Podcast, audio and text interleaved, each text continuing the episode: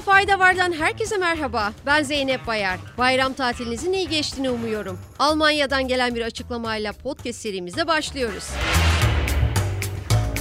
Alman hükümetinin ekonomi uzmanları konseyi başkanı Monika Schneitzer, Almanya'nın kalifiye iş gücü açığını kapatabilmesi için yılda 1,5 milyon göçmene ihtiyacının olduğunu açıkladı. Almanya'da acilen bir hoş geldin kültürüne gereksinim olduğuna işaret eden Schneitzer, yabancılardan Almanca bilmelerini talep etmek yerine İngilizce bilinmesinin de bir alternatif olabileceğini belirtti.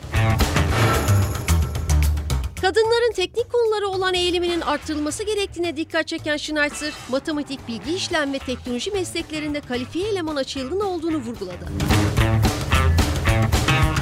Sırada Kanada'dan bir haberimiz var.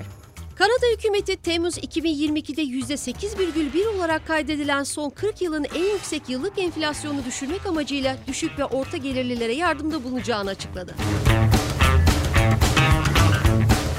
Kanadalıların artan gıda faturalarını dengelemelerine destek olmak amacıyla açıklanan yardımlar için federal bütçeden 2,5 milyar dolarlık ödenek tahsis edileceği duyuruldu. Şimdi size güzel bir haber vereceğim. Hollanda hükümetinden yapılan yazılı açıklamada işletmelerin tek kullanımlık plastik kaplarla servis edilen yiyecek ve içecekler için müşterilerden ek ücret alacağı belirtildi. Alınan kararla plastik bardaklar için 25, yemek kapları için 50 ve plastik ambalajlar için 5 sent alınacağı açıklandı. Ülkede her gün 19 milyon tek kullanımlık plastik kabın ve yemek ambalajının kullanıldığına işaret edilen açıklamada hükümetin tekrar kullanılabilir kapları kullanmayı kural haline getirmek istediği vurgulandı. Son haberimiz olası salgınların önlenmesine ilişkin.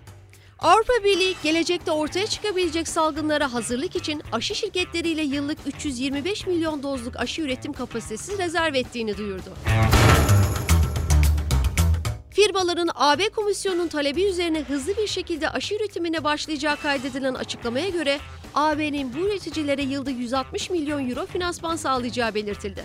Açıklamada ayrıca rezerv edilen dozların Belçika, İrlanda, Hollanda ve İspanya'da üretebileceğine işaret edildi.